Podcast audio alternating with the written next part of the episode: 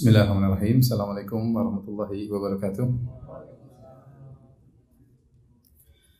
Alhamdulillahi ala ihsanih wa syukru lahu ala taufiqihi wa amtinanih wa asyhadu an la ilaha illallah wahdahu la syarika lahu ta'ziman li sya'ni wa asyhadu anna Muhammadan abduhu wa rasuluhu da'ila ridwani. Allahumma salli alaihi wa ala alihi wa ashabihi wa ikhwani. Hadirin hadirat yang dirahmati oleh Subhanahu wa taala.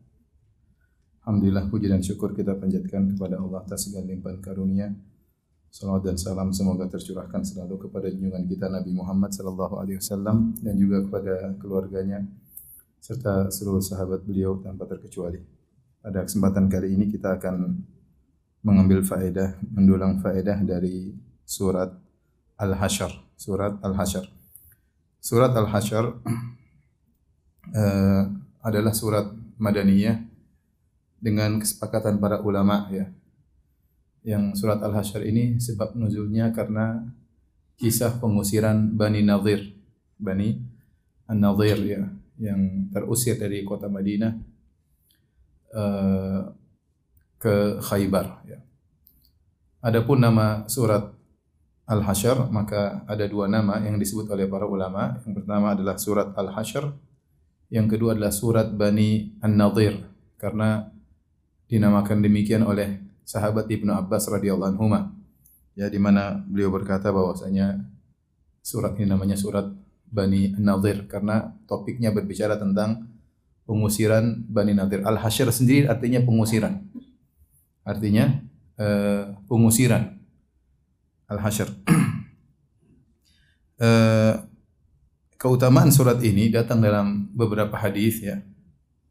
Seperti Rasulullah SAW bersabda, barang siapa yang baca surat Al-Hasyr, maka tidak ada satu pun yang tersisa, baik surga maupun neraka, baik, baik arsh maupun kursi, baik langit maupun bumi, hewan-hewan, kemudian angin, kemudian awan, burung, binatang-binatang melata, pohon, gunung-gunung, matahari, rembulan, malaikat, kecuali semuanya akan bersalawat kepada orang yang baca surat Al-Hasyr. Dan juga mohon ampunan bagi orang yang baca surat Al-Hasyr.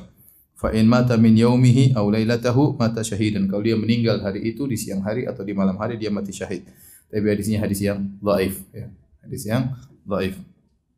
Demikian juga hadis yang dhaif yang lainnya dari Anas radhiyallahu anhu Rasulullah SAW bersabda, "Man qara'a akhir suratil hasyr barang siapa membaca akhir dari surat Al-Hasyr yaitu firman Allah, "Lau anzalna hadzal Qur'ana ala jabal" dari ayat ini sampai akhir surat Al-Hasyr famata min lailatihi mata syahidan. Maka malam itu jika dia meninggal dia mati syahid. Ini juga hadisnya dhaif ya. Demikian juga hadis yang lain Rasulullah SAW bersabda man qala hina yusbihu thalatha marrat a'udzu billahi samil alim minasyaitonir rajim wa qara'a thalatha ayati min akhir suratil hasyr wakkala Allahu bi sab'ina alfa malakin yusalluna alaihi hatta yumsi. Barang siapa yang di pagi hari membaca tiga kali a'udzu billahi samil alim minasyaitonir rajim. Kemudian dia baca tiga kali dia baca tiga ayat. Dari ayat terakhir surat al-hasyr maka Allah akan mengirimkan 70 ribu malaikat bersolawat kepada dia mendoakannya hatta yumsi sampai dia sore hari. Wa in mata fi yaumihi mata syahidan. Kalau dia meninggal hari itu dia mati syahid. Wa man qara'a hina yumsi fakadzalik demikian juga barang siapa yang bacanya di sore hari maka dia juga mendapatkan keutamaan tersebut. Hadis ini juga hadis yang dhaif. Kata Tirmidzi setelah meriwayatkan hadis ini hadisun gharib.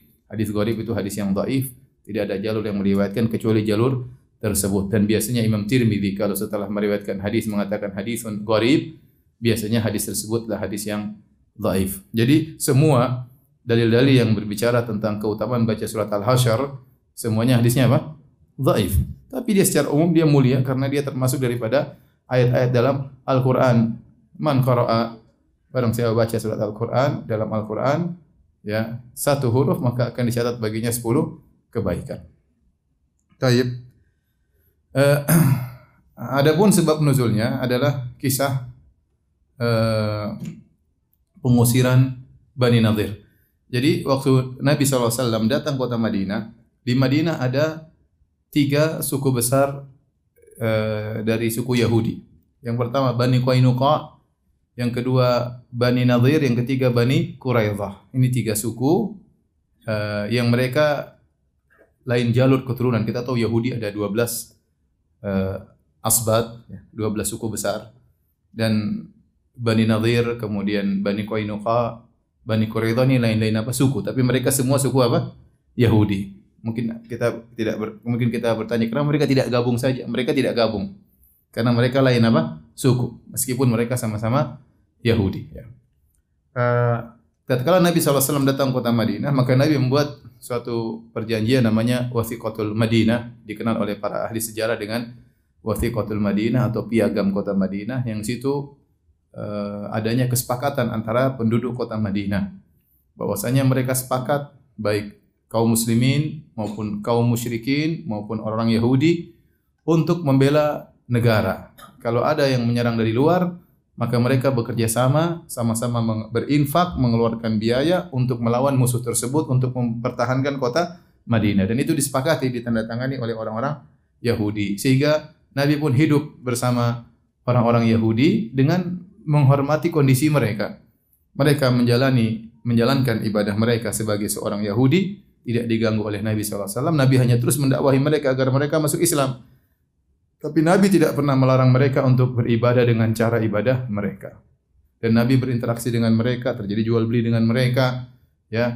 ya bahkan di sana ada pasar namanya pasar Bani Qainuqa, ya. Kemudian uh, terjadi jual beli di sana dan hiduplah orang Yahudi tersebut di kota Madinah. Namun akhirnya mereka berkhianat yang pertama kali berkhianat Bani Qainuqa. Maka mereka berkhianat membatalkan perjanjian damai dengan Nabi wasallam akhirnya mereka diusir oleh Rasulullah sallallahu alaihi wasallam maka yang pertama keluar dari kota Madinah adalah Bani Qainuqa. Kemudian pada tahun 4 Hijriah, jadi tahun 2 Hijriah perang Badar. Tahun 2 Hijriah perang Badar dan kaum muslimin menang. Waktu kaum muslimin menang, maka orang Yahudi semakin Percaya ya. Inilah nabi yang kita tunggu-tunggu. Buktinya dalam perang Badar mereka apa? Menang. Ya, karena kenapa orang Yahudi tinggal di kota Madinah? Karena mereka menanti kedatangan nabi yang terakhir. Sengaja mereka memilih tinggal di kota Madinah karena hal tersebut. Kata Allah, ya'rifunahu kama ya'rifuna abna'ahum. Mereka mengenal nabi terakhir tersebut, mengenal Muhammad SAW sebagaimana mereka mengenal anak-anak mereka. Jadi kenalnya orang Yahudi terhadap uh, Nabi SAW seperti mengenal anak sendiri. Jadi mereka punya pengetahuan detail tentang Rasulullah SAW. Saking detailnya tentang Nabi terakhir, mereka tahu di mana Nabi tersebut akan berhijrah. Mereka tahu di mana Nabi tersebut akan berhijrah, sehingga mereka memilih kota Madinah menantikan kedatangan Nabi terakhir tersebut untuk berhijrah. Namun qadarullah tatkala Nabi tersebut berhijrah, mereka tidak beriman kepada Muhammad SAW karena ternyata Muhammad bukan dari Bani Israel. Ternyata Muhammad SAW dari bangsa Arab. Sementara orang Yahudi mereka fanatik dengan suku mereka. Mereka yakin bahwasanya mereka saja suku yang diakui oleh Allah Subhanahu wa taala. Selain mereka tidak ada yang diakui oleh Allah Subhanahu wa taala. Selain mereka semuanya neraka jahanam. Ini keyakinan orang Yahudi. Sehingga mereka terpukul tatkala tahu ternyata nabi terakhir dari bangsa Arab. Nah, tatkala selesai perang Badar dan di mana Rasulullah SAW menang, maka mereka semakin yakin bahwasanya ini nabi yang ditunggu-tunggu, tapi tetap saja mereka tidak mau beriman. Nah, ketika perang Uhud tahun ketiga Hijriah, Nabi SAW kaum muslimin mengalami kekalahan ya. Banyak dari kaum muslimin yang meninggal sekitar 72 orang yang mati syahid, maka mereka semakin ragu lagi ya. Mereka mulai berani untuk melawan siapa? Rasulullah SAW. Sebagaimana Muhammad Nabi bisa kalah dari dari suku Quraisy, kita juga mungkin bisa mengalahkan dia. Bahkan kita tahu uh, nabi-nabi Bani Israel dulu ada yang dibunuh, gitu tidak? Allah sebutkan dalam Al-Qur'an di antara keburukan orang-orang Yahudi, waqatlahumul anbiya, mereka suka membunuh para nabi. Kalau ada nabi yang datang tidak sesuai dengan selera mereka, ya tidak sesuai dengan hawa nafsu mereka, mereka bunuh nabi tersebut. Ya, Muhammad ini nabi terakhir tapi ada kemungkinan dia kalah, ada kemungkinan dia mati meskipun kita tahu dia nabi. Jadi ini spekulasi tingkat tinggi ya. Jadi orang Yahudi sudah tahu ini Muhammad ini nabi, tapi dia masih ada terbetik dalam benaknya mungkin kalah, buktinya kalah di perang Uhud. Mungkin bisa kita bunuh, toh nabi-nabi terdahulu juga bisa kita bunuh. Ah, nanti akhirat urusan kita dengan Tuhan. Pokoknya kita nggak mau beriman sama sama dia. Karena mereka merasa kalau mati pasti masuk surga tanpa harus beriman dengan Muhammad sallallahu alaihi wasallam dan hasad mereka luar biasa. Akhirnya ketika uh, kaum muslimin kalah di perang Uhud, maka mulai, mereka mulai berani ya untuk mengganggu Rasulullah SAW. Sampai terjadilah suatu kejadian uh, kisah tentang apa uh, Bi'r Maunah yaitu tatkala ada 70 orang sahabat yang dipanggil untuk mengajar Al-Quran, ternyata yang memanggil tersebut berkhianat, akhirnya mereka dibunuh. Ada satu orang yang sempat lolos atau selamat dari pembunuhan tersebut, namanya Amr bin Umayyah Al-Dhamari ya. Amr bin Umayyah Al-Dhamari ya. Beliau ini kabur, sahabat mulia ini kabur, kembali ke kota Madinah. Di tengah perjalanan, dia bertemu dengan dua orang kafir dari Bani Amr ya, dari Bani Amir atau dari Bani Amr ya. Kemudian dua orang ini kafir, tetapi dua orang kafir ini punya perjanjian damai dengan Nabi Shallallahu alaihi wasallam. Akhirnya dia bertemu dengan orang kafir tersebut di tengah perjalanan. Kemudian tatkala dua orang ini sedang tidur, maka sahabat ini pun membunuh mereka berdua ya. Disangka inilah termasuk orang-orang yang membunuh para sahabat 70 orang yang lainnya ya ini pengikut mereka maka dengan istihad beliau Amr bin Umayyah al-Dhamari ini kemudian dia bunuh dua orang tersebut akhirnya dua orang tersebut akhirnya meninggal dunia kemudian sampai di kota Madinah dia lapor cerita kepada Nabi ya Rasulullah telah terjadi demikian demikian saya telah membunuh dua orang. Rasulullah tegur ini jangan kau bunuh ini dua orang punya perjanjian damai dengan kita. Meskipun mereka berdua kafir tidak boleh dibunuh karena dia kafir muahad. Kafir muahad tidak boleh di, dibunuh itu kafir yang punya perjanjian damai. Yang boleh dibunuh cuma satu yaitu kafir harbi. Akhirnya Nabi mengatakan, aku akan membayar dia dua orang ini. Akhirnya kan kabar sampai kepada suku mereka dan Nabi harus bayar dia. Nah, saat Nabi ingin bayar dia, kebetulan Rasulullah SAW tidak punya harta yang banyak. Maka Nabi tahu Bani Nadir, suku Yahudi ini kaya. Mereka punya benteng lima, ada yang mengatakan enam, ada yang mengatakan empat. Kemudian mereka punya korma yang banyak, yang menguatkan ekonomi mereka. Maka Nabi ingin minta bantuan kepada mereka membayarkan dia dua orang terbunuh ini. Maka Nabi SAW pun ingin ketemu mereka minta bantuan. Rupanya waktu Nabi SAW ingin minta bantuan kepada orang Yahudi untuk membayar dia, ternyata orang Yahudi mereka bersekongkol, mereka rapat. Mereka rapat, mereka mengatakan kesempatan ini Muhammad datang kepada kita. Ya, kalau dia datang, salah seorang dari kita mengambil roha, roha itu alat penggiling gandum, ya, kan batu ya, untuk menggiling gandum. Satu orang di atas tunggu dia datang, lemparkan alat tersebut, batu tersebut, roha tersebut ke kepala Muhammad dan selesai cerita. Di end. Selesai. Wah, ide yang bagus. Akhirnya Nabi mau datang. Waktu Nabi mau datang ketemu mereka, ternyata Jibril alaihissalam melaporkan rencana busuk mereka bahwasanya mereka hendak membunuh siapa? Nabi sallallahu alaihi wasallam. Akhirnya Nabi tidak jadi minta bantuan, bahkan Nabi sallallahu alaihi wasallam kemudian menyerang mereka. Itulah kejadiannya. Maka Nabi SAW pun datang menyerang mereka dengan bawa pasukan. Akhirnya mereka ketakutan. Mereka kemudian masuk di benteng-benteng mereka. Dan mereka ingin, ya udah, damai dengan Nabi SAW, ya, ingin islah, Nabi kasih waktu 10 hari keluar. Kalau nggak keluar akan terjadi peperangan. Akhirnya mereka sudah siap untuk keluar dari kota Madinah. Datanglah orang-orang munafik, Abdullah bin Ubay bin Salul datang kepada orang Yahudi mengatakan, nggak usah kalian keluar. Kami ada 2000 orang-orang munafik. ya, entah mereka sebut jumlah yang banyak, bohong aja. Kita banyak di sini orang munafik.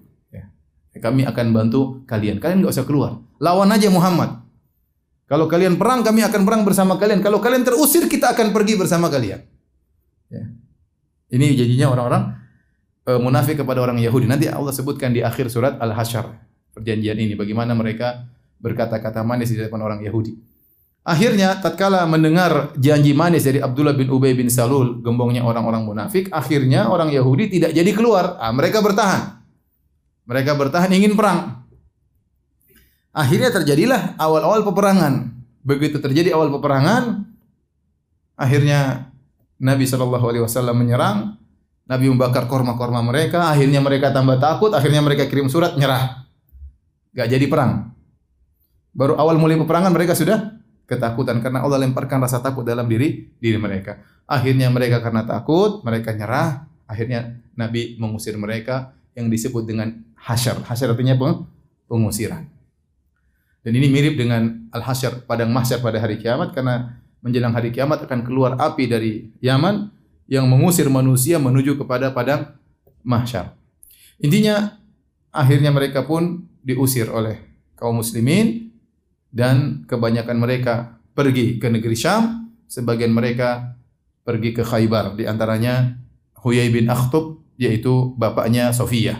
Karena Sofia itu dari kabilah Nadir, Bani Nadir. Makanya Sofia bintu Huyai An-Nadiriyah. Karena dia dari kabilah Bani apa? Bani Nadir. Ya. Uh, setelah itu mereka keluar dari kota Madinah. Kata Nabi, boleh kalian keluar tapi hanya boleh bawa onta, satu onta bawa barang-barang kalian. Terserah. Yang penting jangan bawa pedang, jangan bawa senjata. Selain itu mau bawa emas, bawa perak, bawa apa saja silahkan. Yang penting cukup dipikul oleh satu ekor apa? Onta. Entah tiga keluarga, satu keluarga hanya boleh membawa satu barang yang bisa dipukul oleh satu ekor onta. Tatkala itu mereka akhirnya merusak rumah-rumah mereka karena rumah-rumah mereka uh, bagus mereka rusak mereka ambil kayu-kayunya ya. Karena bikin rumah tempat lain mereka pikulkan di onta-onta mereka kemudian mereka pun pergi meninggalkan kota Madinah. Inilah sebab turun surat apa? Al-Hasyar yang artinya pengusiran Bani Nadir dari kota Madinah. Yang surat ini juga disebut dengan surat Bani Nadir ya. Baik. Uh, kita bacakan uh, ayatnya ya. Allah Subhanahu wa taala berfirman Sabbaha lillahi ma fis samawati ma fil ardi wa huwal azizul hakim. Telah bertasbih kepada Allah semua yang ada di langit dan yang ada di bumi.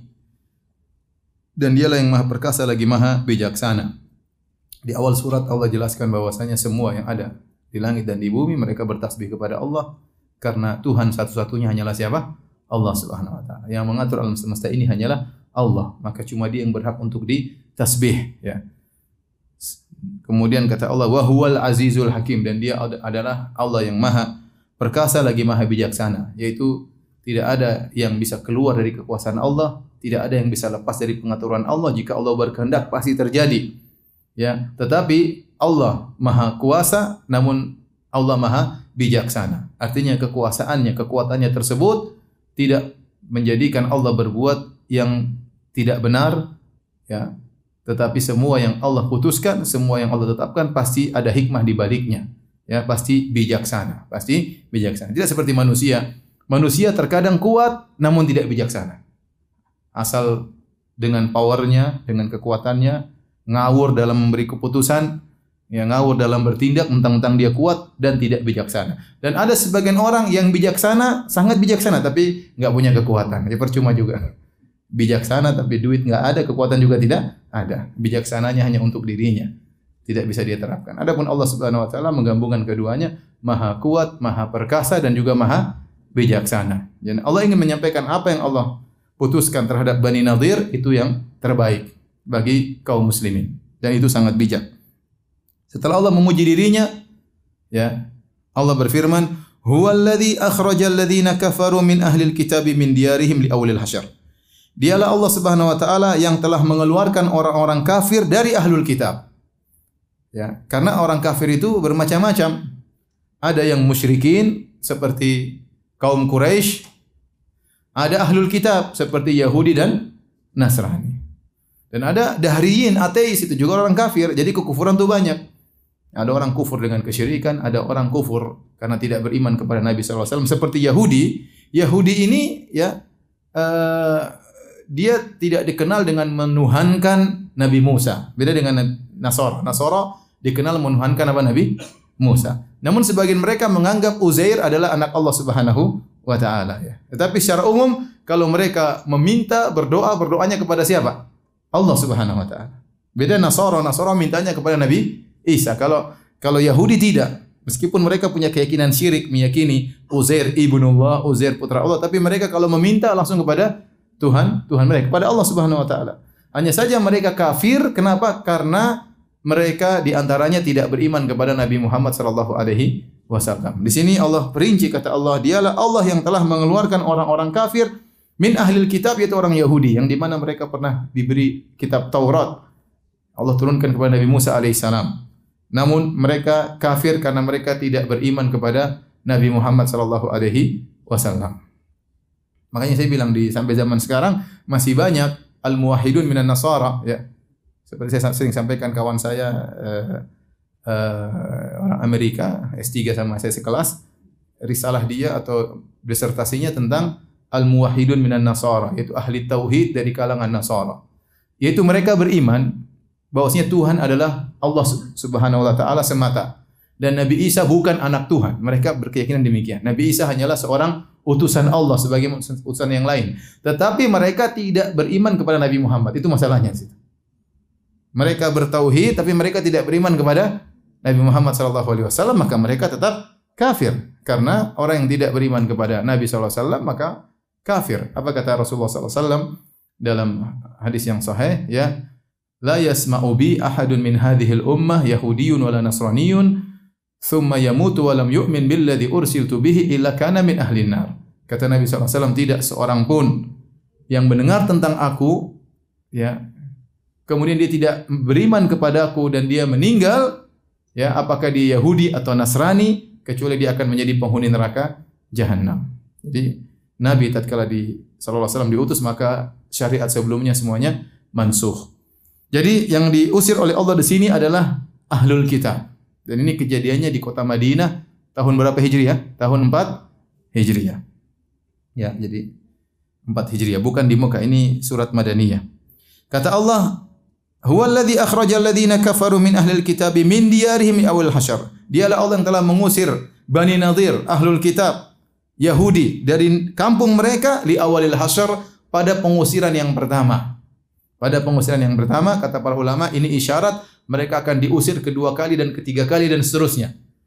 Pertama kali mereka diusir, diusir ya dalam sejarah Bani Nadir di Madinah. Mereka tinggal di Madinah menunggu kedatangan Nabi mereka hidup lama di sana sampai membuat banyak benteng-benteng ternyata mereka di diusir. Mereka diusir ke Khaybar oleh Rasulullah sallallahu alaihi sebagian langsung ke negeri Syam. Kemudian setelah itu pada tahun 7 Hijriah terjadi pengusiran kedua. Nabi usir mereka lagi dari Khaybar dan terakhir pengusiran dilakukan oleh Umar bin Khattab mengeluarkan Yahudi dari jazirah Arab sehingga mereka pun keluar dari jazirah Arab. Tapi firman Allah Subhanahu wa taala li awalil hasyr mereka lah yang diusir oleh Allah pada pengusiran yang pertama, isyarat akan ada pengusiran-pengusiran apa berikutnya yang akan mereka alami. Kata Allah, "Ma dhanantum ay yakhruju?" Perhatikan sini. Kata Allah, kalian tidak menyangka mereka bakalan terusir, bakalan keluar dari kota Madinah. Ini tidak pernah terbetik dalam benak kaum muslimin. Kenapa? Karena Bani Nadir ini hebat. Mereka jago berperang, mereka punya senjata banyak ya, dan mereka punya benteng banyak. Mereka kaya. Ekonomi mereka pegang. Mereka yang menguasai apa namanya kebun-kebun korma ya bahkan sebagaimana pernah kita jelaskan tentang kisah Salman Al Farisi waktu datang ke Madinah dia kerja sama siapa kerja sama orang Yahudi majikannya orang Yahudi punya kebun kebun korma jadi secara ekonomi mereka kuasai pasar mereka yang pegang ya kemudian eh, perkebunan juga mereka yang pegang dan mereka punya persenjataan yang banyak dan mereka punya benteng di kota Madinah ada empat, ada yang bilang enam. Sehingga tidak terbetik dalam hati kaum mukminin bahwasanya mereka suatu saat akan pergi meninggalkan kampung mereka. Makanya Allah mengatakan, "Ma dhanantum ay yakhruju." Ya, kalian tidak pernah menduga mereka bakalan apa? Keluar. Karena setiap orang lahir di kota Madinah sudah lihat, oh Yahudi hebat. Yang lahir lihat mereka punya benteng, mereka kaya. Jadi nggak terpikir kapan mereka bisa keluar. Ternyata mereka keluar. Bahkan Allah mengatakan, Ya. Wa dhannu annahum mani'atuhum husunuhum minallah. Dan mereka juga menyangka bahwasanya benteng-benteng mereka akan menghalangi mereka dari Allah Subhanahu wa taala. Ya. Dan banyak orang seperti itu tatkala mereka terlalu pede pada diri mereka, kekuatan ilmunya mereka, percaya diri pada ekonomi yang mereka pegang, ya. Ya, lupa dengan yang kuasa tiba-tiba Allah ya jatuhkan mereka. Dan itu banyak terjadi, ya. Banyak terjadi. Kata Allah Subhanahu wa taala, "Fa'atahumullahu min haitsu yahtasibu." Maka Allah mengirim uh, bencana kepada mereka dari arah yang mereka tidak sangka-sangka. Mereka enggak sangka bakalan terusir. Mungkin secara perhitungan kita enggak mungkin dikalahkan kaum muslimin. Kita punya benteng 6, kita makanya eh, kita punya senjata lebih lengkap daripada kaum muslimin, ya. Dan mereka tidak pernah menyangka mereka bakalan terusir. Bahkan kaum muslimin pun tidak pernah menyangka akan bisa mengusir mereka. Jadi di luar pada daripada dugaan dugaan mereka, ya. Di luar dugaan mereka. Ini peringatan bagi kita bahwasanya jangan seorang pede dengan dirinya. Kita boleh pede dengan diri kita dengan keyakinan di belakang kita ada Allah Subhanahu wa taala. Saya sudah berdoa, saya sudah berusaha, tawakal itu baru yang benar. Kata Allah Subhanahu wa taala, "Fa idza azamta fatawakkal 'ala Allah." Kalau kalian sudah berazam, maka bertawakallah kepada Allah. Maka silakan pede. Pedenya bukan karena diri kita tapi karena Allah Subhanahu wa taala. Tapi kalau orang pede dengan dirinya, maka dia akan terkena penyakit ujub, gurur, terbedaya. Ini yang bahaya di sini ya pede dengan kekuatannya, pede dengan ekonominya, pede dengan kecerdasannya. Dia lupa bahwa itu semua dari Allah Subhanahu wa taala. Terkadang dia terkena musibah dari sisi kepedeannya tersebut. Ya, dari sisi yang dia pede tersebut, ya. Sebagaimana orang Yahudi, pede dengan kekuatan mereka, pede dengan ini ternyata mereka diusir. Ya. Kata Allah, "Wa qadhafa fi qulubihim ru'ba." Maka Allah pun melemparkan rasa takut dalam hati mereka. Jadi orang-orang Yahudi jadi ketakutan, jadi ketakutan tatkala dengar Nabi Muhammad SAW akan menyerang mereka. Padahal secara kekuatan fisik mereka terpenuhi, benteng banyak, senjata banyak, pasukan mereka juga banyak, tapi kalau banyak apa pun sudah takut tidak ada manfaatnya. kalau sudah diserang rasa takut, mau badannya besar, mau udah takut ya sudah, percuma. Nah Allah kirim salah satu ya tentara Allah itu rasa takut yang Allah kirimkan kepada masukan dalam hati mereka. Mereka pun ketakutan. Mereka pun ketakutan. Yukhriju yukhribuna buyutahum bi aidihim aidil mu'minin. Akhirnya mereka diserang oleh kaum muslimin sebagaimana tadi saya sebutkan kisahnya. Kemudian mereka pun merusak rumah-rumah mereka dengan tangan mereka. Kenapa mereka merusak rumah-rumah mereka? Ada banyak tafsir di kalangan para ahli tafsir. Ada yang mengatakan mereka merusak rumah-rumah mereka karena waktu kaum muslimin menyerang, maka mereka merusak rumah mereka untuk pergi ke belakang lagi. Diserang lagi, mereka pergi ke belakang. Ini tafsiran pertama. Sehingga mereka merusak untuk kabur, untuk lari lewat belakang. Dirusak rumah mereka, kabur. Kemudian kabur, demikian.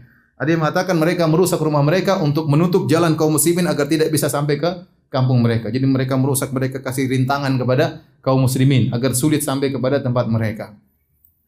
Namun wallahu alam bisab saya lebih condong pendapat bahwasanya mereka merusak rumah-rumah mereka karena mereka ingin ambil kayu-kayu mereka untuk mereka pikul di onta-onta mereka untuk dibawa ke tempat yang lain untuk bangun rumah. Karena rupanya kayu dulu uh, berharga ya. Untuk bangun rumah mungkin perlu kayu-kayu yang indah mereka rusak-rusak. Dan mereka tidak ingin kalau mereka pergi rumahnya bagus ditempati oleh kaum muslimin. Mereka tidak mau. Enak saja kita pergi rumah kita dipakai. Daripada dipakai mending kita apa? Rusakin. Jadi karena hasad mereka kepada kaum muslimin, tidak mau rumah mereka ditempati oleh kaum muslimin setelah kepergian mereka, mending mereka rusakin. Jadi mereka rusak, mereka ambil kayu-kayunya datang dalam hadis, mereka pikulkan ke unta mereka kemudian mereka pergi.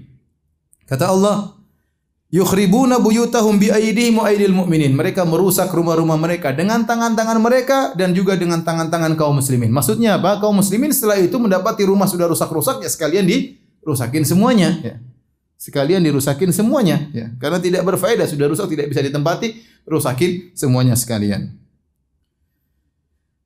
Fa'tabiru ya ulil absar. Maka ambillah pelajaran dari kejadian tersebut wahai orang-orang yang berakal.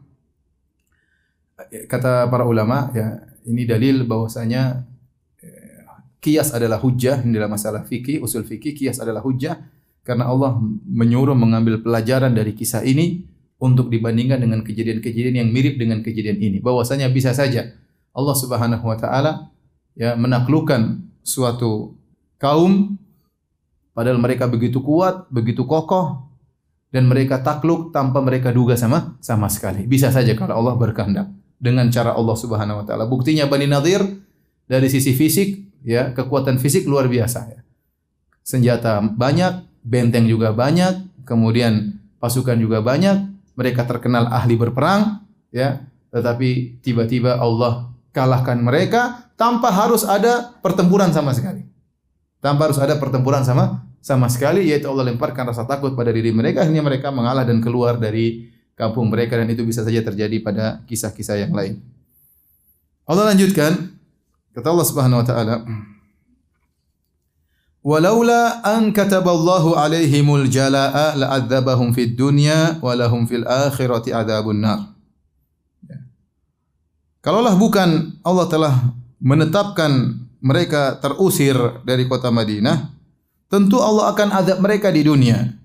Walahum fil akhirati adzabun nar dan bagi mereka di akhirat ada adab neraka jahanam. Jadi Allah jelaskan bahwasanya mereka ini sekarang ditakdirkan harus keluar dari kota Madinah, terusir dengan sekampung semuanya pergi meninggalkan kota Madinah. Kata Allah, seandainya mereka tidak terusir, mereka akan disiksa dengan siksaan yang lain. Ya. Masih mending mereka diusir, seakan-akan demikian. Mereka terusir itu masih apa? Masih mending. Seandainya mereka tidak terusir, mungkin mereka akan merasakan nasib yang lain, seperti yang dirasakan oleh Bani Quraidah. Jadi di tiga suku Yahudi di kota Madinah. Yang pertama terusir Bani Qainuqa. Kemudian yang kedua Bani Nadir. Nabi mengusir mereka dengan dengan penghormatan. Artinya mereka diusir, masih boleh bawa barang-barang mereka, namun tidak boleh bawa senjata. Silakan pergi, silakan bawa emasmu, silakan bawa perakmu, silakan bawa kayu-kayumu, silakan. Yang penting satu keluarga hanya bawa satu suket yang bisa dipikul oleh satu ekor onta, terserah. Ya. Jadi masih ada uh, bukan penghormatan ya, masih ada kebaikan. Diusir dengan apa? Kebaikan. Kalau Nabi bunuh mereka boleh. Kenapa? Karena mereka ingin bunuh siapa? Nabi. Kenapa Nabi ngusir mereka? Karena mereka rencana ingin melemparkan batu di kepala Nabi, ingin membunuh Rasulullah sallallahu alaihi wasallam. Kalau Nabi bunuh mereka, boleh. Tapi Nabi tidak memilih bunuh mereka. Nabi SAW menyuruh mereka pergi. Dan biasa orang Yahudi mereka suka membatalkan perjanjian, berkhianat. Nah, ternyata suku yang ketiga Bani Quraidah mengalami nasib yang lebih tragis, yaitu ini terjadi pada tahun 4 Hijriah. Pengusiran Bani Nadir. Suku yang ketiga, Bani Quraidah terusir atau dibunuh pada waktu tahun 5 Hijriah terjadi perang Khandaq. Dan Nabi tidak mengusir mereka, tapi Nabi bunuh mereka. Kenapa? Karena mereka berkhianat di waktu-waktu yang sangat genting. Waktu itu 10 ribu pasukan datang menyerang Rasulullah SAW. Ya, ya dari luar Nabi khawatir dengan serangan dari luar, ternyata di dalam kota Madinah ada sekitar 700 atau 500 atau 700 orang-orang Yahudi berkhianat ingin juga menyerang dari dari dalam. Dan ini sangat berbahaya, pengkhianatan di waktu lemahnya kaum kaum muslimin. Kaum muslimin cuma 2000 orang mungkin, 2500, 3000, 2000, cuma segitu pasukan kaum muslimin. Sementara musuh di depan 10.000, ternyata 700 dalam juga berkhianat. Makanya akhirnya setelah perang selesai melawan Ahzab, 10 ribu orang mereka sudah kabur, maka Nabi menyerang Bani Quraidah. Dan Nabi tidak maafkan mereka dan mereka di, dibunuh. Semuanya dibunuh ya. Yang laki-lakinya semuanya di, dibunuh. Akan datang kisahnya dalam sirah Nabi Shallallahu Alaihi Wasallam. Tetapi kenapa Nabi bunuh mereka? Karena mereka hendak membasmi kaum muslimin. Cuma terlanjur apa? Kalah. Kalau ternyata ya dalam kondisi tersebut 10 ribu bisa masuk menyerang kota Madinah, apa yang terjadi? Kaum muslimin semuanya akan binasa. Oleh karenanya balasannya dibunuh. Makanya Allah Subhanahu wa taala berfirman dalam ayat ini, "Walaula an kataballahu alaihimul jalaa la'adzabahum fid dunya." Kalau seandainya mereka tidak terusir, Allah tidak takdirkan mereka terusir dari kota Madinah, toh Allah akan mengadab mereka di dunia. Bisa saja dibunuh sebagaimana saudara-saudara mereka dari Bani Quraidah. Bani Quraidah.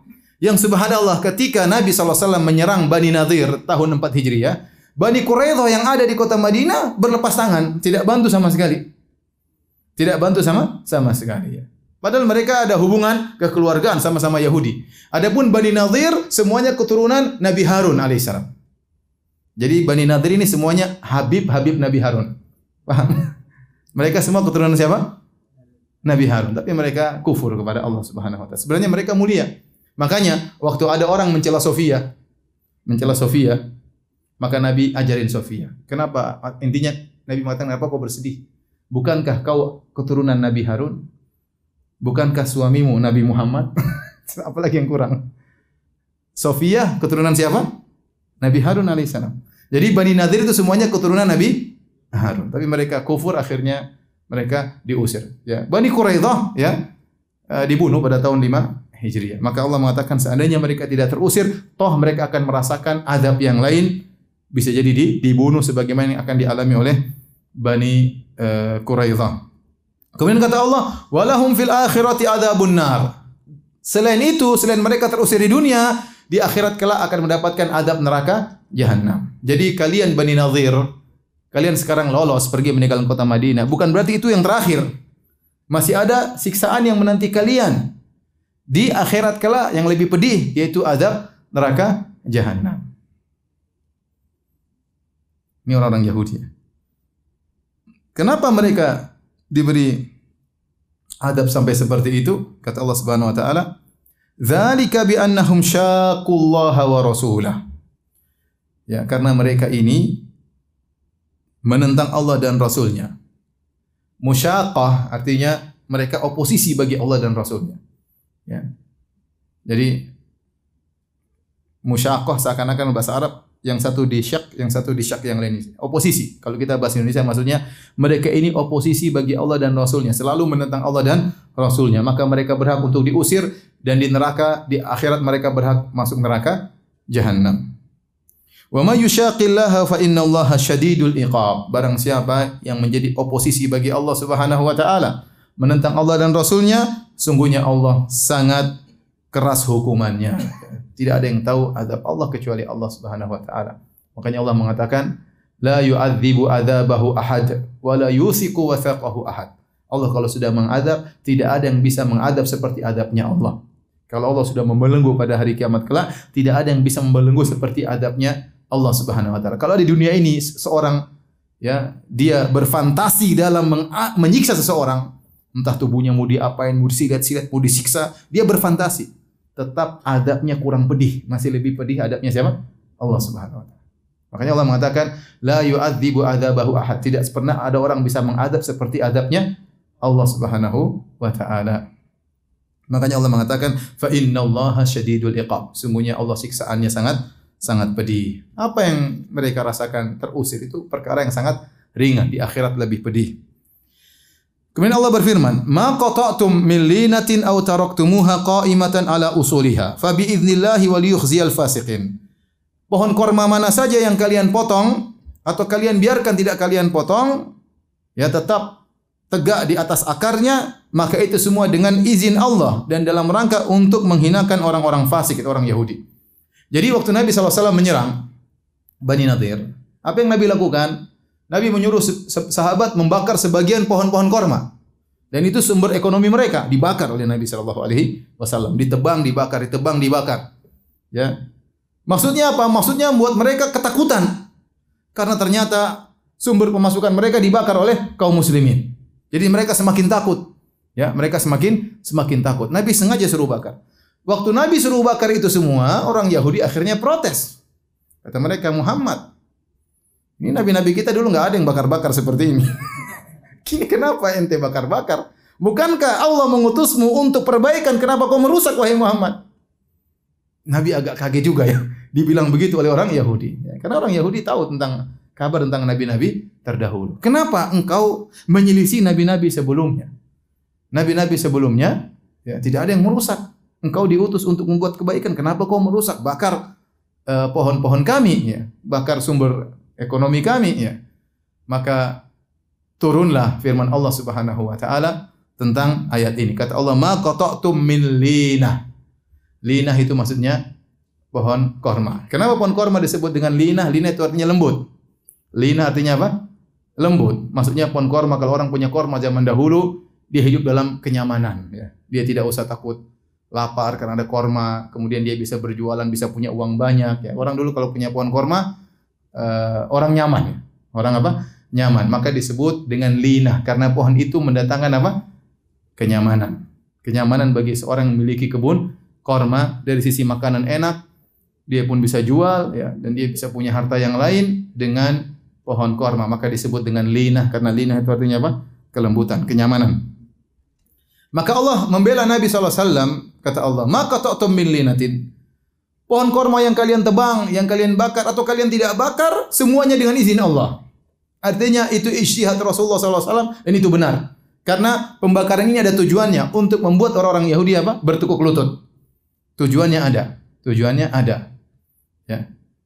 Eh, dan Nabi biasa tidak melakukan demikian. Nabi tidak pernah merusak sana sini, tapi ini karena ini adalah sumber ekonomi mereka, maka Nabi melemahkan mereka dengan ekonominya dihancurkan. Ya. Dan ini dilakukan oleh Rasulullah Sallallahu Alaihi Wasallam. Ya. Sebagian Nabi biarkan, ya. karena akan diambil oleh apa? Kaum muslimin setelah mereka pergi sisa kebun tersebut. Jadi Nabi tidak bakar semuanya, tapi bakar sebagian yang buat mereka ketakutan. Maka Allah bela Nabi SAW, Allah mengatakan, mau kau bakar wahai Muhammad, mau kau tidak bakar terserah engkau. Semuanya sudah aku izinkan. Buat apa? Waliyukhziyal fasiqin. Agar mereka, ya orang-orang fasik itu, engkau hinakan mereka. Agar Allah hinakan mereka. Mereka semakin terpukul, mereka semakin sakit hati tatkala pohon-pohon korma mereka dibakar sehingga mereka tidak ada ya sudahlah ngapain kita tinggal lagi di sini? Mending kita keluar. Mau apa yang mau kita bela? Pohon kebun kita sudah dibakar. Itu di antara strategi perang.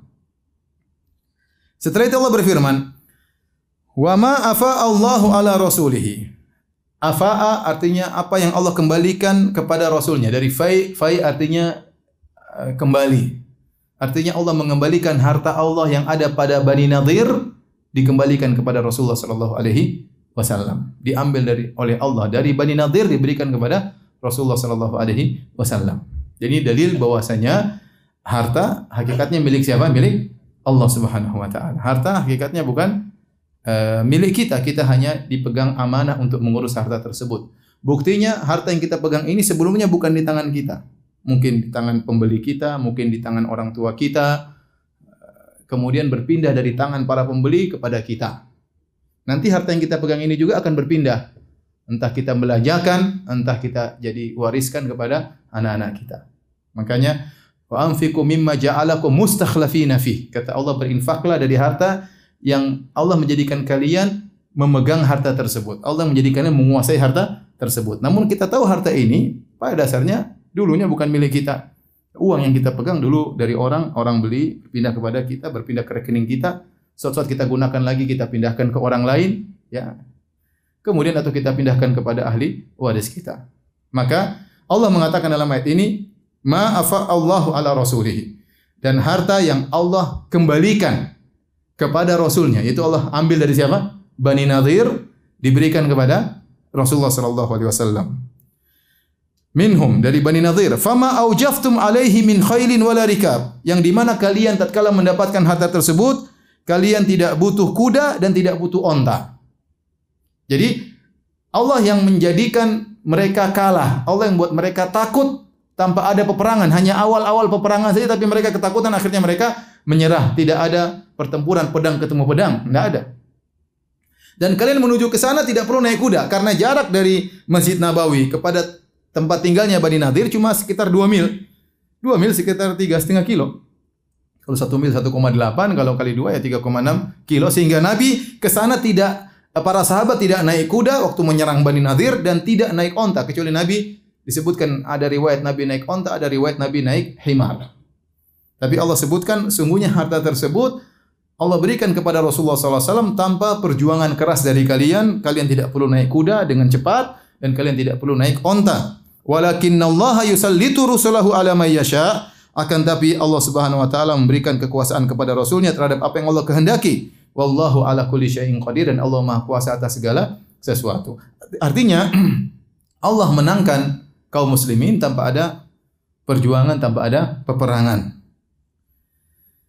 Setelah itu Allah berfirman, "Ma'afa Allahu ala rasulihi." Dan harta yang Allah berikan kepada nabi berupa harta fai min ahlil qura dari penduduk-penduduk kota ya yang dikuasai oleh kaum muslimin karena setelah itu Rasulullah juga menguasai Fadak dan menguasai Quraidah ya itu disebut dengan fai. Jadi beda antara fai dengan gonima. Bedanya fai dengan gonima. Kalau gonima adalah harta rampasan perang. Setelah berperang, kemudian musuh lari, maka sisa yang harta yang mereka tinggalkan namanya apa?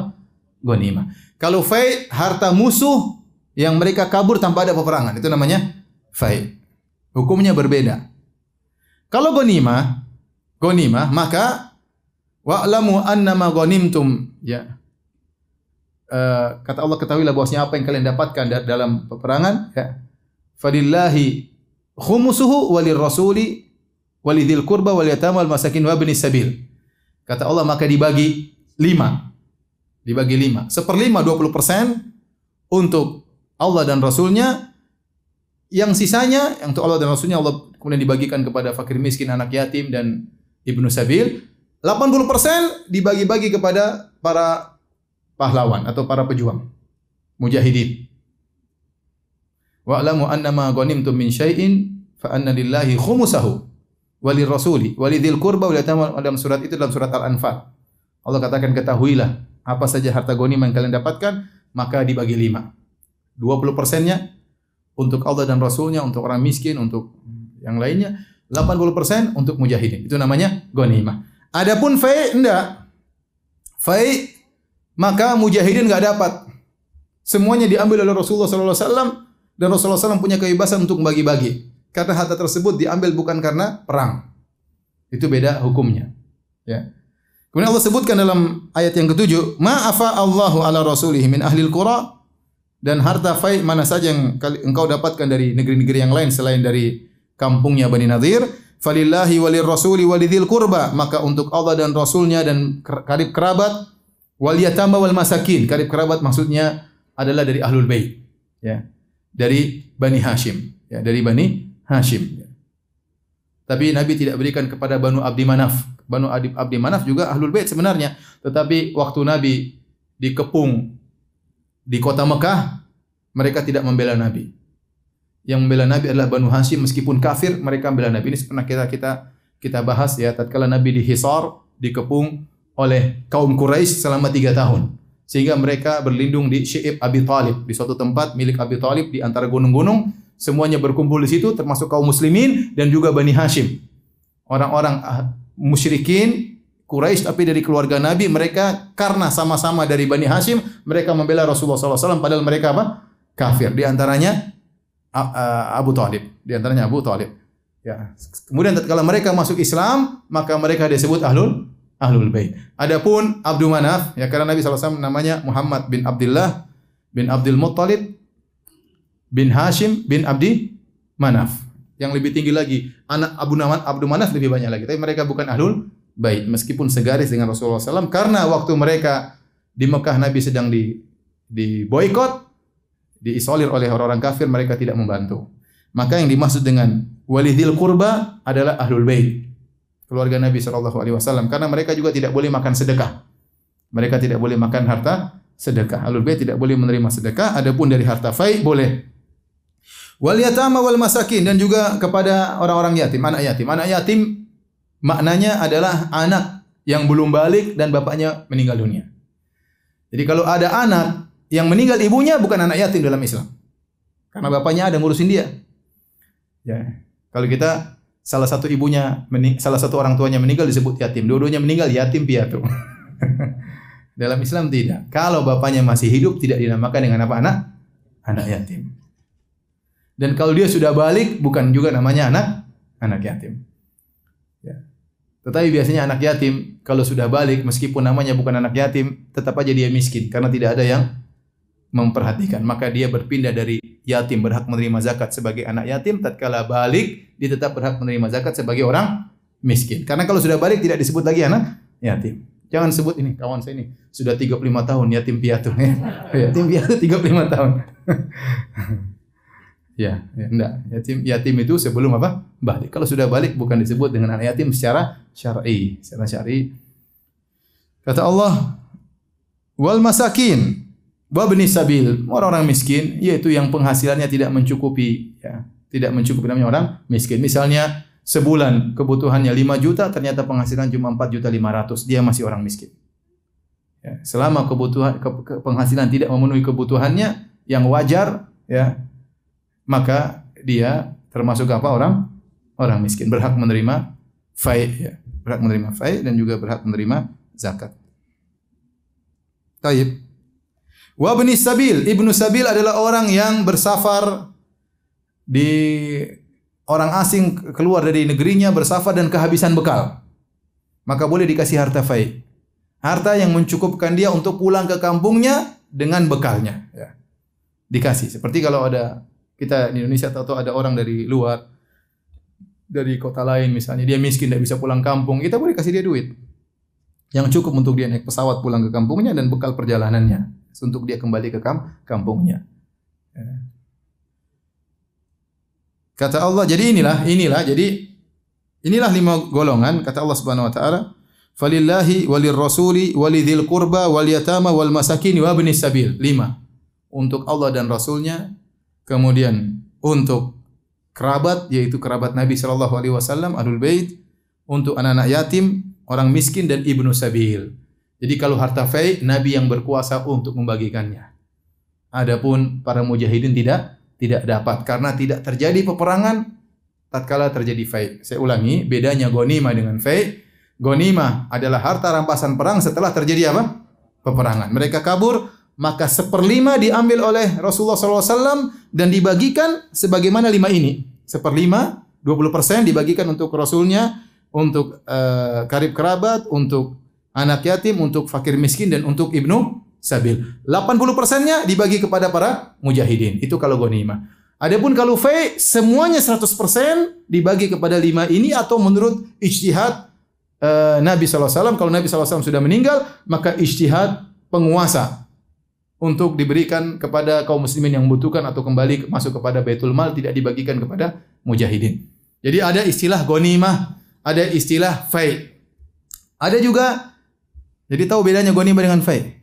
Siapa tahu perang ya. Belum dapat Ustaz, sudah mati di luar ya. Enggak apa-apa mati syahid. Jadi uh, ada beberapa istilah harta yang berkaitan dengan perang, ada namanya gonimah tadi sudah antum tahu, ada namanya fai, terus ada namanya nafal. Nafal itu adalah uh, pemberian. Jadi setelah gonimah dibagi, Nabi memberikan hadiah khusus kepada mujahid-mujahid yang spesial diberi bonus istilahnya. Kalau bahasa kita Pak bonus karena ini mungkin perangnya hebat, mungkin dia naik kudanya hebat, maka dikasih bonus. Itu pemimpin berhak memberikan bonus kepada para mujahidin yang yang hebat namanya nafal. Ada namanya salab. Kalau salab itu seorang berperang kemudian dia melawan orang musyrik, orang kafir yang orang kafir tersebut dia berhasil bunuh, maka semua yang ada di badan orang tersebut boleh diambil milik pribadi. Ternyata musuhnya pakai jam Rolex misalnya, dia boleh ambil. Misalnya. Kemudian pakai sepatu apa? Cappuccino ya misalnya. Pokoknya yang merek-merek bermerek kemudian pakai emas, pakai pakai helm emas macam-macam canggih. Antum boleh ambil seluruhnya itu namanya salap. Kalau zaman dahulu berperang dia bawa apa perisainya yang mungkin mewah, bawa pedangnya yang mungkin dihias dengan emas. Dia punya kudanya semuanya boleh diambil oleh sang mujahid yang berhasil membunuh dia. Itu namanya salap. Itu lain lagi. Itu bagian daripada gonima. Jadi nafal bagian dari gonima, salab juga bagian dari apa? Gonim. Adapun al jizyah, al jizyah adalah harta yang distor oleh orang-orang yang tunduk kepada kaum muslimin dalam negeri kaum muslimin seperti uh, kafir zimmi yang tinggal bersama kaum muslimin mereka harus bayar jizyah sebagai bentuk ketundukan kepada negara Islam ya itu namanya jizyah jadi di depan kita ada beberapa istilah pertama ghanimah itu sudah paham kan Gonimah di bawahnya ada nafal, ada salab. Paham? Nafal tadi bonus, salab tadi jam Rolex, paham? Kemudian fai fai adalah harta yang diperoleh tanpa ada peperangan. Maka semuanya seluruhnya diserahkan kepada pemimpin dan dibagi kepada lima uh, golongan ya. Kemudian setelah itu apa tadi? Jizyah. Jizyah adalah ketundukan negara lain kepada negara Islam ya dengan menyerahkan upeti kalau bahasa kita sebagai bentuk ketundukan kepada negara Islam sudah ya selesai itulah beberapa jenis-jenis harta yang disebut dalam istilah fikih. Baik. Kata Allah Subhanahu wa taala, "Kaila yakuna dulatan bainal agniya'i minkum." Agar harta tersebut tidak jadi berputar hanya di sekitar orang-orang kaya saja. Ya, makanya syariat membagi. Ya sudahlah buat fakir miskin, buat ibnu sabil ya. ya. Buat kerabat-kerabat Nabi sallallahu alaihi wasallam. Wa ma rasulu. Maka apa yang Rasul berikan kepadamu maka ambillah wa ma nahakum anhu fantahu dan apa yang dilarang oleh Rasulullah SAW maka tinggalkanlah wattaqullaha innallaha syadidul iqab bertakwalah kepada Allah sungguhnya Allah siksaannya sangat berat. Ya. Ayat ini memperingatkan kepada para sahabat karena para sahabat tatkala berperang menguasai Bani Nadir ternyata mereka nggak kebagian. Maka Allah jelaskan, ya ini aturannya ada. Kalian menguasai Bani Nadir tanpa harus perang, tanpa harus bawa kuda, tanpa harus menyerang, ya, tanpa harus ada pertempuran, maka ini hak semuanya untuk Nabi Shallallahu alaihi wasallam. Apa yang Nabi putuskan terima.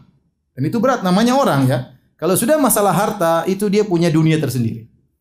Kenapa maksud saya? Ada orang alim secara orang soleh dalam hal yang lain. Dalam harta terkadang tidak soleh dan ini terjadi. Benar atau tidak? Benar. Banyak ya. mungkin kita kita juga ya. Kalau ada masalah utang tidak soleh. Ya. ya. Kalau ada bagi-bagi ribut, makanya betapa banyak soleh ketemu soleh kerja bareng ribut akhirnya. Karena kecintaan kepada harta ada, tobiat manusia. Kok bagian saya kurang? Kurang sedikit saja dipermasalahkan dan itu benar. Misalnya kerja sama, tidak jelas atau berapa persen berapa persen bisa menimbulkan keributan. Banyak kalau antum sudah nyaman sama orang sudah tidak usah hubungan uang sama dia. Khawatirnya antum menjadi musuh setelah itu. Dan itu banyak terjadi. Banyak terjadi dan banyak kasus saya dapati. Karena kecintaan terhadap harta itu banyak. Jadi orang bisa saja soleh di sisi lain, dalam sisi duit dia tidak tidak soleh. Bukan tidak soleh, tapi dia kurang kurang kurang terbuka, kurang nerimo karena cinta sama harta itu ada sifat manusia. Maka dia tidak ingin bagiannya terkurangi sedikit pun. Ya, ada orang-orang seperti itu. Maka waktu bayangkan sahabat sekarang berangkat sama Nabi. Kemudian menyerang Bani Nadir. Akhirnya mereka kabur, harta ditinggal banyak. Ternyata Nabi tidak kasih mereka. Kan berat juga itu. Biasanya kalau mereka perang mereka dapat bagian. Sekarang tidak dapat bagian. Maka Allah jelaskan kalian ini murni dari Allah Subhanahu wa taala karena kalian tidak ada peperangan. Kemudian Allah tegaskan di akhir, "Wa ma atakumur rasulu fakhudhu." Apa yang Rasulullah tetapkan, maka ambillah. Wa ma nahakum anhu fantahu. Apa yang Rasulullah larang, maka tinggalkanlah. Itu yang terbaik karena Allah apa? Azizun Hakim. Allah Maha perkasa dan Allah Maha Maha bijak. Keputusan Allah pasti bijak bijaksana. Baik, ayat ini secara umum atau secara khusus dia berkaitan dengan pembagian harta harta fai. Di situ Allah menyuruh para sahabat untuk tunduk kepada keputusan Nabi Shallallahu Alaihi Wasallam tidak boleh protes sama sama sekali. Namun kita punya kaedah dalam tafsir al ibrah bi umumil lafzi la bi khususil sabab. Yang menjadi patokan adalah keumuman lafal bukan kekhususan sebab. Maksudnya ayat ini meskipun turunnya disebabkan karena masalah pembagian harta fai agar para sahabat nerima keputusan Nabi namun dia umum mencakup seluruh permasalahan agama maka seorang terima kalau Nabi sudah bilang haram ya haram harus apa? terima. Nabi bilang boleh ya boleh harus di, diterima. Tidak boleh dia gerundel, tidak boleh dia protes ya. Ya. Karena Allah berfirman la yu'minun hatta yuhaqqimuka fi ma syajara bainahum thumma la yajidu fi anfusihim harajan. Ya. Fala wa rabbika la yu'minun. Kata Allah, demi Rabbmu mereka tidak beriman. Sampai mereka menjadikan engkau sebagai hakim dalam permasalahan mereka. Thumma la yajidu fi anfusihim harajan mimma qadait. Kemudian mereka tidak menemukan gerundel dalam hati mereka atas keputusan engkau wahai Muhammad. Wa yusallimu taslima dan mereka harus nerima dengan seterima-terimanya. Ya. Jadi antum harus terima syariat Allah. Kalau antum benar-benar orang muslim, antum selalu berikrar raditu billahi rabba wa bi Muhammadin rasulah. Kita ridho Nabi sebagai utusan Allah. Kalau ente ridho berarti ente ridho dengan keputusannya. Jangan protes. Kalau Nabi bilang jilbab wajib, ente aduh kenapa Nabi wajibkan jilbab? Berarti anda tidak ridho Nabi sebagai utusan Tuhan. Cari utusan yang lain kalau begitu. Anda tidak ridho kenapa sholat lima waktu wajib? Kalau anda tidak setuju, berarti anda tidak ridho dengan kondisi Nabi sebagai seorang apa?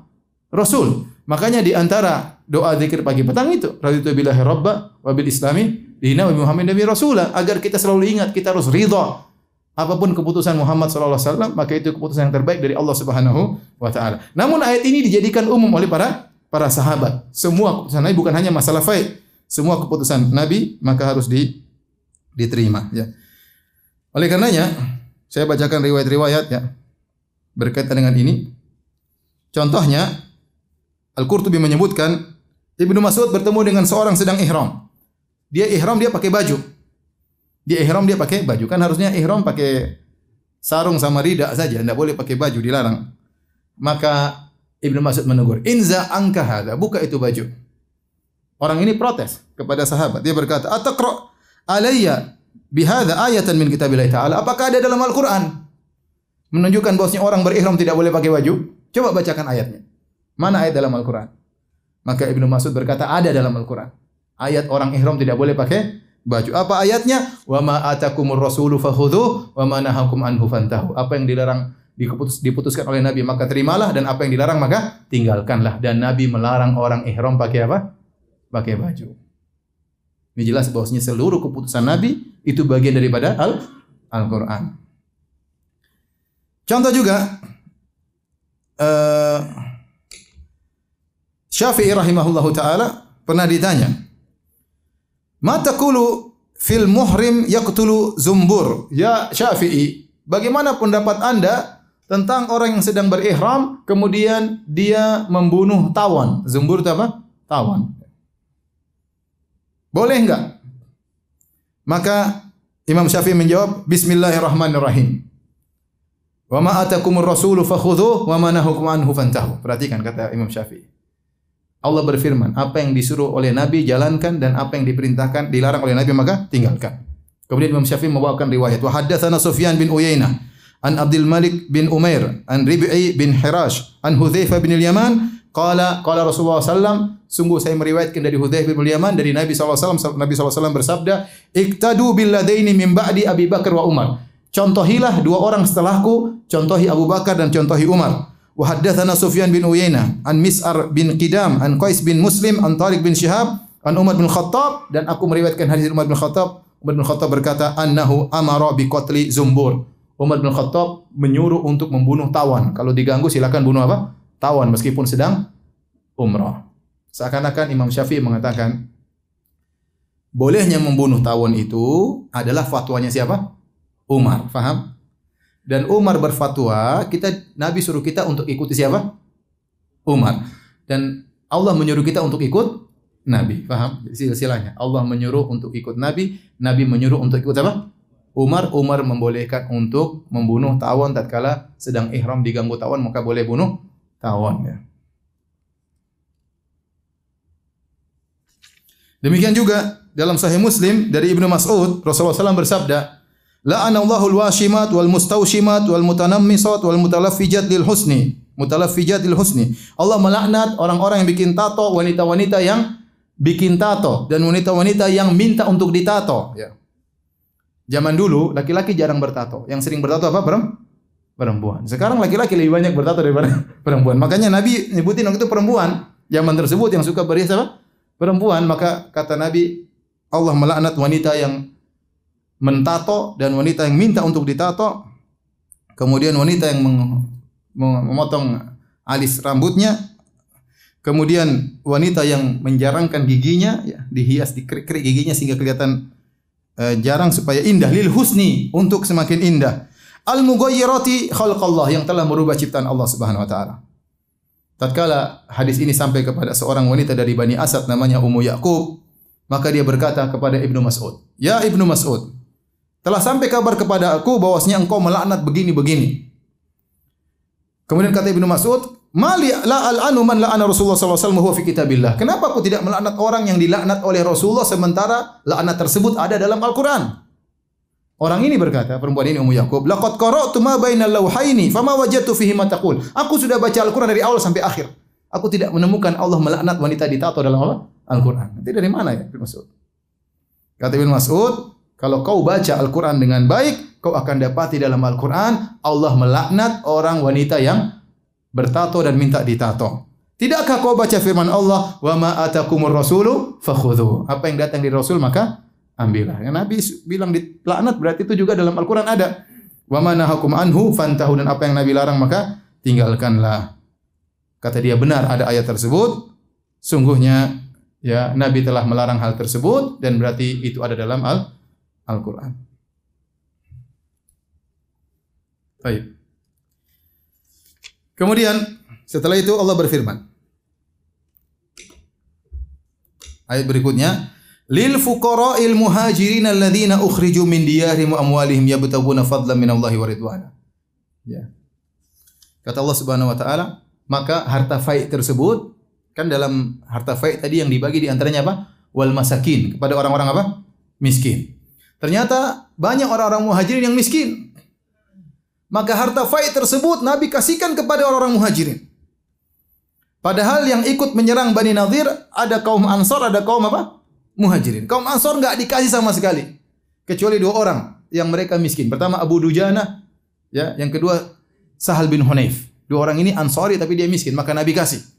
Tapi secara umum yang Nabi kasih cuma orang-orang apa? Muhajirin. Kenapa mereka berhak untuk diberi? Karena Allah sebutkan lil fuqara il muhajirin. Itu harta fai untuk orang-orang fakir dari kaum muhajirin. Alladzina ukhriju min diyarihim amwalim yang mereka telah terusir dari negeri mereka dari kota Mekah. Dan ini tahun keberapa? Tahun 4. Tahun keempat Hijriah kejadian ini. Pengusiran Bani Nadir. Mereka sudah empat tahun berhijrah namun mereka masih miskin. Padahal dahulu mereka kaya waktu di Mekah. Mereka punya harta, mereka punya rumah. Tetapi karena mereka terusir, maka mereka berhak untuk diperhatikan oleh Rasulullah SAW. Dan Rasulullah ingatkan, mereka terusir dari negeri mereka dan terpisahkan dari harta mereka. Ya butaguna fadla minallahi wa ridwana. Dan mereka terusir tersebut, mereka meninggalkan kota Mekah dalam rangka mencari keutamaan dari Allah dan mencari keridhaan Allah. Di sini lihat bagaimana Allah mentazkiyah kaum muhajirin. Merekomendasi kaum muhajirin bukan cuma zahirnya saja, Maksudnya mereka rajin sholat, mereka rajin ibadah, bahkan niat mereka juga Allah katakan mereka ikhlas.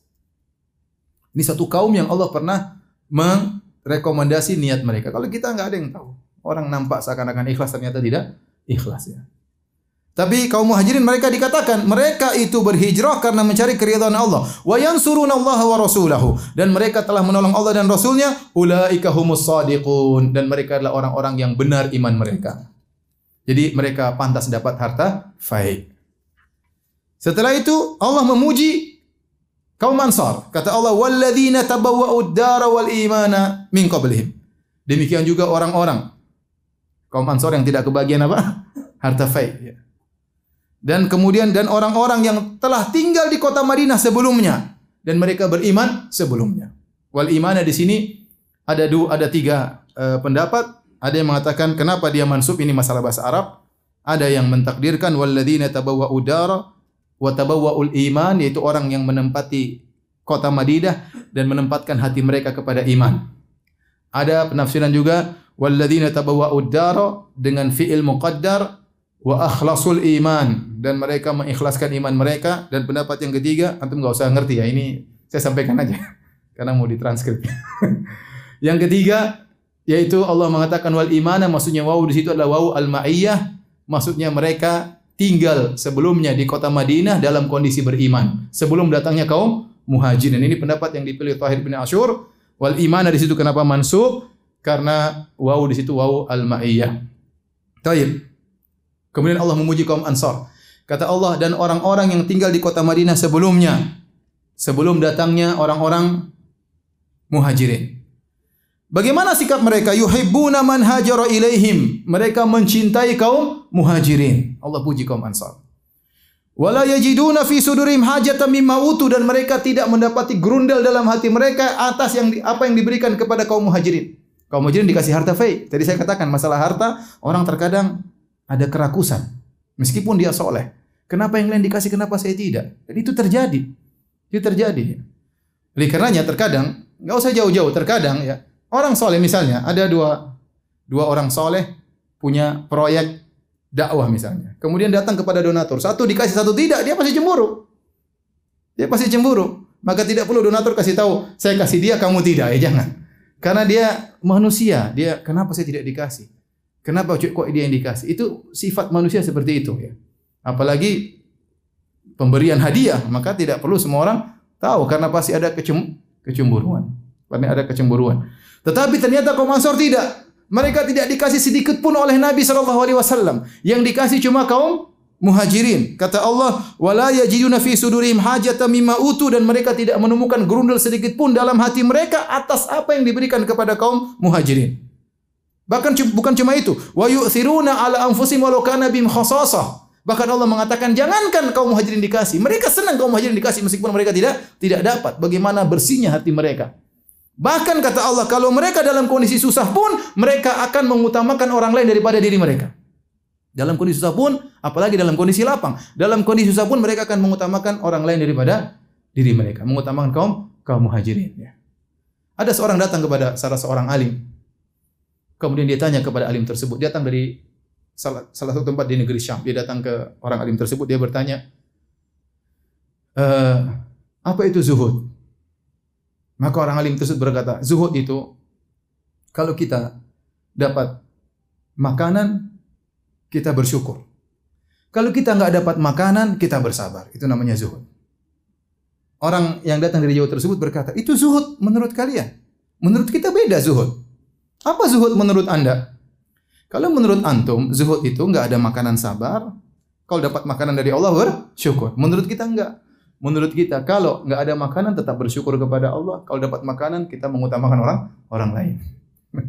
Berat ya. Ini kaum Ansar kaum Ansar. Bahkan dalam kondisi sulit pun mereka masih mengutamakan orang lain. Dan ini mungkin antum bilang kok bisa orang seperti ini? Bisa, karena mereka muridnya Muhammad sallallahu alaihi wasallam. Kenapa? Kita lihat saja zaman sekarang. Saya tidak pernah ketemu dengan Syekh bin Bas rahimahullah. Saya tidak pernah ketemu dengan Syekh Utsaimin rahimahullah, tapi saya pernah ketemu dengan murid-murid mereka. Saya lihat bagaimana akhlak mereka luar biasa, zuhud mereka luar biasa. Saya tidak heran karena guru mereka siapa? Syekh bin Bas dan Syekh Utsaimin. Kalau kita melihat murid-murid Syekh bin Bas, Syekh Utsaimin, murid-murid langsung yang mulazamah dengan mereka waktu yang lama nampak bagaimana ajaran-ajaran ulama tersebut kepada mereka, nampak kepada murid-muridnya. Bagaimana lagi kalau gurunya siapa? Muhammad sallallahu alaihi wasallam. Maka mungkin kita heran kok ada orang seperti begini kaum Ansar, jangan heran karena guru mereka siapa? Rasulullah sallallahu alaihi wasallam. Oleh karenanya para ulama membawakan dalam tafsir ini dua kisah yang sering terkenal yaitu kisah sudah pernah sering sampaikan saat bin Rabi tatkala memberikan tawaran kepada siapa? Amr eh, apa namanya? Eh, Abdurrahman bin bin Auf. Maka dia mengatakan, "Wahai Abdurrahman bin Auf, inni la ak min min aktsaril ansari malan." Saya termasuk orang kaya di kota Madinah. Ambillah setengah hartaku. Terus saya punya istri lebih dari satu. Lihatlah mana yang kau sukai, katakan sama saya, saya ceraikan. Kalau habis masa idahnya silakan kau ambil. Masya Allah. Apa ada orang seperti itu zaman sekarang? Demi Allah, demi Allah tidak ada. Saya sudah tinggal 15 tahun di Madinah, nggak pernah ada yang nawar-nawarin setengah hartanya, apalagi nawarin apa? Istrinya. Nggak ada sampai sekarang. Jadi ini luar biasa ya. Bukan cuma nawarkan hartanya, ya. Bukan harta cuma bukan sedikit, setengah hartanya dia kasih. Luar biasa. Bukan cuma hartanya, istrinya pun dia kasih. Luar biasa. Ini ini pernah terjadi. Namun apa kata Abdurrahman bin Auf? Dia tidak mengambil kesempatan dalam kesempitan. Dia tidak berkata, Masya Allah, Allah kirim antum buat saya. Dia bilang, Barakallah fiqh. Enggak, saya enggak terima. Tunjukkan saya di mana pasar saya mau dagang sendiri. Masya Allah. Kalau kita, oh kebetulan Masya Allah memang ini rezeki. Masya Allah, mana mana istri, mana saya. Itu kalau kita. Yang kedua tentang kisah siapa? Abu Talha. Disebutkan oleh sebagian ulama Abu Talha. Uh, radhiyallahu anhu. Waktu ada orang datang kepada Nabi, "Ya Rasulullah, aku mengalami penderitaan." Maka Rasulullah SAW tahu orang ini, Rasulullah SAW tahu ini orang ini butuh bantuan. Maka dia mengatakan, sahabat-sahabat coba cek istri-istri saya, ada makanan enggak di rumah? Maka datanglah kepada istri pertama. Semua menjawab, Ya walladhi nafsu Muhammadin biyadihi ma indana illa ma. Sampaikan kepada suami kami demi Muhammad demi Allah yang jiwa Muhammad berada di tangannya, walladhi ba'atsaka bil haq yang mengutus engkau dengan kebenaran, Sungguhnya tidak ada di rumah kecuali air putih. Gimana mau jamu tamu? Coba lihat istri kedua. Pergi lagi istri kedua cek sama. Tidak ada rumah kecuali apa? Air. Coba istri ketiga. Tidak ada juga air. Kecuali air. Keempat, kelima semua cuma apa? Air. Masya Allah. Bayangkan. Berapa istri semuanya cuma di rumah cuma apa? air. Terus nggak ada yang demo istri-istrinya. Kemudian Nabi tidak bisa menjamunya, maka Nabi mengatakan, Man yudhifu hadha al-lailata yarhamuhullah. Siapa yang mau menjamu tamu ini malam ini, semoga Allah merahmatinya. Abu Talha mengatakan, saya Rasul, saya jamu dia. Dia juga nggak tahu ada ada makanan nggak di rumah. Maka dia ajak tamunya dengan PD-nya, sampai rumah dia tanya istrinya, gimana, ada makanan nggak? Buat kamu nggak ada, buat saya nggak ada, cuma buat anak-anak. Waduh. Apalagi buat tamu, buat kamu dan saya nggak ada makan malam. Cuma buat anak-anak. Maka Abu Talha mengatakan ya sudah, kamu jangan kasih makan anak-anak, main-main sama mereka sampai mereka ngantuk suruh tidur. Itu makan buat tamu. Akhirnya anak-anak diajak ngobrol sampai tidur. Makanan cuma buat satu orang, makan anak-anak ya dikumpul buat satu orang dewasa. Akhirnya kamu pura-pura perbaiki lampu terus matiin. Akhirnya istrinya nggak protes sama sekali. Dia bilang, ah, apa-apa aja Abi ini cari masalah bawa sudah tahu nggak punya duit bawa bawa tamu ke sini tadi. Mau pinjam sama siapa aja nggak tahu malu enggak. Enggak. Nurut. Nurut. Oh iya, iya Mas, iya Mas. Gitu sudah. Akhirnya uh, istri Abu Talha pun datang kemudian dia tiup lampu.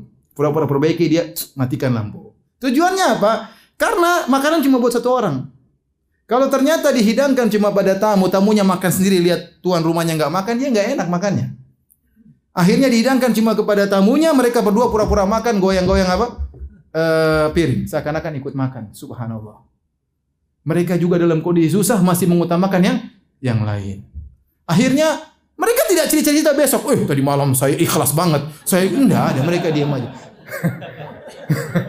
Tapi Allah kabarkan kepada Nabi Shallallahu Alaihi Wasallam, Nabi manggil Abu Talha, Nabi berkata, Ajab Allah min sani'ikuma bidhaifikuma al-bariyah. Atau kama qala Nabi SAW. Kata Nabi, Allah kagum dengan sikap kalian berdua semalam terhadap tamu kalian berdua. Betul lah firman Allah, wa yu'thiruna ala anfusihim walau kana bihim. Sungguh mereka mendahulukan ya kepentingan orang lain meskipun mereka dalam kondisi sulit. Seperti juga dalam kisah perang Yarmuk, tatkala ada tiga sahabat atau empat sahabat dalam kondisi sakaratul maut, semuanya dalam kondisi mau meninggal dunia maka haus, minta minum, ada yang bawakan air minum, tahu-tahu dia mendengar saudaranya kehausan. Dalam kondisi mau meninggal, dia bilang kasihkan saudara saya. Kemudian dibawalah air tersebut kepada temannya yang sakaratul maut. Tiba-tiba teman sebelahnya juga uh, kehausan. Kata dia, berikan kepada teman satunya. Subhanallah dibawa lagi kehausan dia bilang berikan kepada yang satunya lagi. Akhirnya empat-empatnya meninggal tidak ada yang minum. Subhanallah mereka isar di saat-saat genting. Di saat apa? Saat-saat genting. Oleh karenanya, ya persahabatan itu terkadang baru nampak tatkala dalam kondisi apa? Sulit. Dalam kondisi sulit. Tapi kata Allah Subhanahu wa taala, "Wa may yuqashuha nafsihi fa ulaika humul muflihun." Sungguhnya barang siapa yang dijaga dari rasa pelit, yuqa artinya diberi wiqayah, ada penghalang dari rasa pelit, faulaika humul muflihun maka sungguhnya mereka orang yang beruntung. Kata para ulama wiqayah Allah bilang barang siapa diberi benteng wiqayah kenapa dikasih benteng? Menunjukkan pelit itu setiap saat bisa menyerang. Orang bisa sekarang tidak pelit minggu depan bisa pelit. Maka dia harus selalu menjaga dirinya dari rasa pelit. Kapan timbul pelit dia harus lawan. Karena pelit setiap saat bisa menyerang. Terkadang dalam kondisi lapang kita nggak pelit dalam kesulit kita pelit. Maka kita harus bisa memanage hati kita jangan sampai kita benteng kita bobol ya gara-gara kita kita pelit ya. Ini menunjukkan bahwa seorang harus waspada jangan sampai dia diserang dari pelit. Barang siapa yang dijauhkan atau dijaga rasa pelit faulaika humul muflihun. Mereka adalah orang-orang yang beruntung. Sampai sini saja kajian kita karena waktu sudah habis ya insyaallah kita lanjutkan kesempatan yang lain lanjutan dari surat Al-Hasyr. Subhanakallah bihamdik asyhadu an la ilaha anta astaghfiruka wa atubu. Assalamualaikum warahmatullahi wabarakatuh.